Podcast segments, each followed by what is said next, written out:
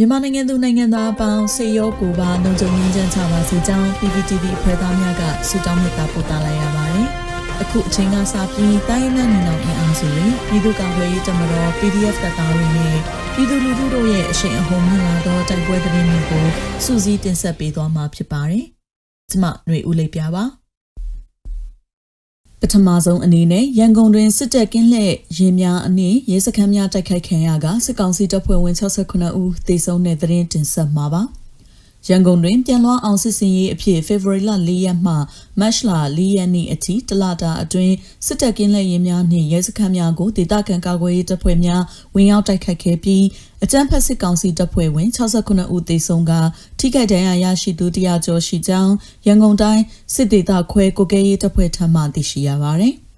ရန်ကုန်တိုင်းအရှိပိုင်းခရိုင်တွင်ရန်ကုန်တိုင်းစစ်သေးတာခွဲကုကဲရေးတပ်ဖွဲ့လက်အောက်ခံဒေသခံကာကွယ်ရေးတပ်ဖွဲ့များကပြန်လွှားအောင်စစ်စင်ရေးအနေနဲ့ဘုံခွဲတိုက်ခိုက်မှု17ကြိမ်40မီလီမီတာဘုံသီလောက်ချဖြင့်ပစ်ခတ်မှု2ကြိမ်ပြုလုပ်ခဲ့ပြီးအကြမ်းဖက်စစ်ကောင်စီတပ်ဖွဲ့ဝင်15ဦးသေဆုံးက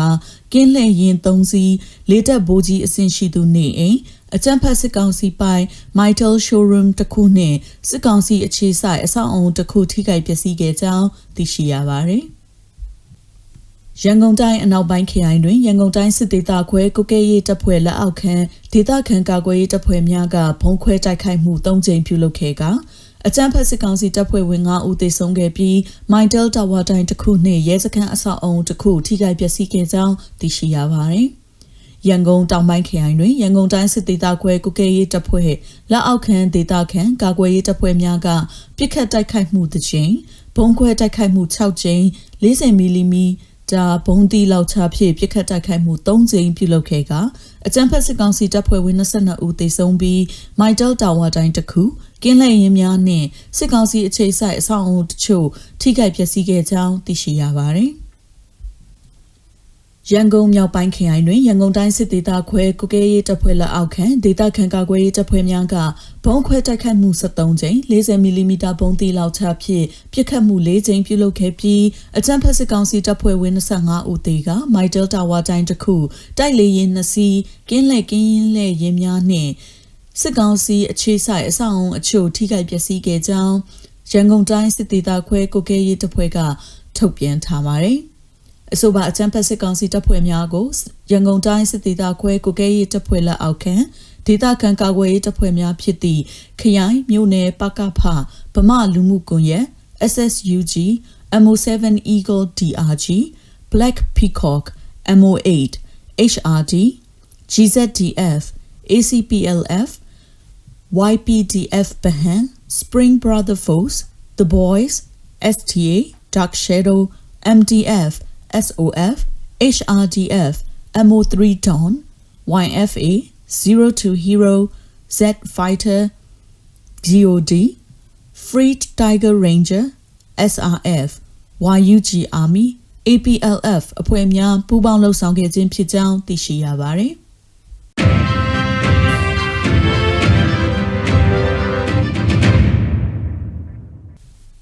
ဆက်လ က်ပြီးတင်ဆက်ပေးမှာကထီးကျိုက်မှထွက်ခွာလာသောစစ်ကောင်စီရင်နှန်းကို KIA နှင့်ပူးပေါင်းတပ်ဖွဲ့တိုက်ခိုက်ခါစစ်သား25ဦးထပ်မံတေဆုံးကကားတစည်းပျက်စီးခဲ့တဲ့တဲ့မှာစကိုင်းတိုင်းထီးကျိုက်ဘက်မှထွက်ခွာလာသောအကြံဖက်စစ်ကောင်စီ၏29စီပါရင်တန်းကိုယနေ့မတ်လ9ရက်နနက်6နာရီတွင်ကချင်လွတ်လပ်ရေးတမတော်နှင့်ပူးပေါင်းတပ်ဖွဲ့ကမိုင်းဆွဲတိုက်ခိုက်ခဲ့ပြီးစစ်သား25ဦးထပ်မံတေဆုံးကြောင်းသိရရှိပါသည် စစ်ကောင်စီရင်နှန်းကို KIA Indoor PDF ပကဖ Indoor Tiger Army ကမိုင်းဆွဲပြီးမိနစ်30ခန့်လက်နက်ကြီးဖြစ်ပစ်ခတ်တိုက်ခိုက်ခဲ့ရာစစ်ကားတစ်စီးပျက်စီးကစစ်သား25ဦးသေဆုံး10ဦးထပ်မံဒဏ်ရာရကစစ်သားအချို့တောထဲပြေးဝင်သွားကြောင်း Indoor တော်လန်ရေးအင်အားအုပ်စု IR ကသတင်းထုတ်ပြန်ပါတယ်အဆိုပါရင်နှန်းသည်စကိုင်းတိုင်းထိချိုင်းမှကချင်ပြည်နယ်မိုးညင်းဘက်သို့ထွက်ခွာသည့်ရင်နှန်းဖြစ်ပြီးစစ်တနက်တင် ပွိုင်ကားတစ်စီးစီဘောက်ဆာ9စီးကုန်ကား15စီးကားသေး4စီးနှင့်လာကြိုသည့်ကား2စီးစုစုပေါင်း29စီးရင်နှန်းဖြင့်3စီးမှပျက်စီးသွားခဲ့ကြောင်းဒေသသတင်းရင်းမြစ်များထံမှသိရှိရပါသည်။မတ်လ3ရက်နေ့တွင်လဲစစ်ကောင်စီရင်နှန်းကိုလုံခြုံရေးလာယူသည့်တပ်ဖွဲ့ကို KIA ပူးပေါင်းအဖွဲ့ကနေရာလေးခုတွင်ပြစ်ခတ်တိုက်ခိုက်ရာစစ်သား၈ဦးထပ်မံတည်ဆုံကြောင်း IR ကရေးသားဖော်ပြထားပါသည်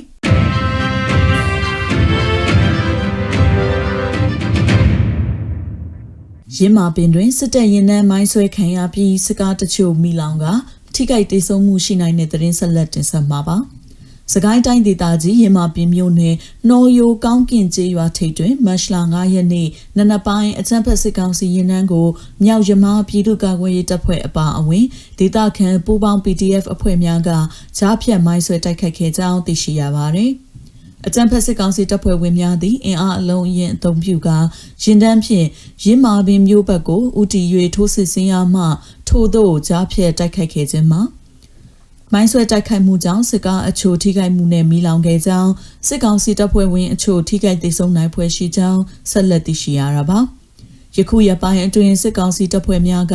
တာလုံအင်အားအုံပြုပြီးရဟတ်ရင်ခြေလင်းများဖြင့်နေစဉ်ထိုးစစ်ဆင်လာနေကြောင်းဒေသခံကာကွယ်ရေးတပ်ဖွဲ့ဝင်များနှင့်အကြမ်းဖက်စစ်ကောင်စီတပ်ဖွဲ့ဝင်များကြားနေစဉ်ထိတွေ့တိုက်ပွဲများလည်းဖြစ်ပွားနေကြောင်းသိရှိရပါသည်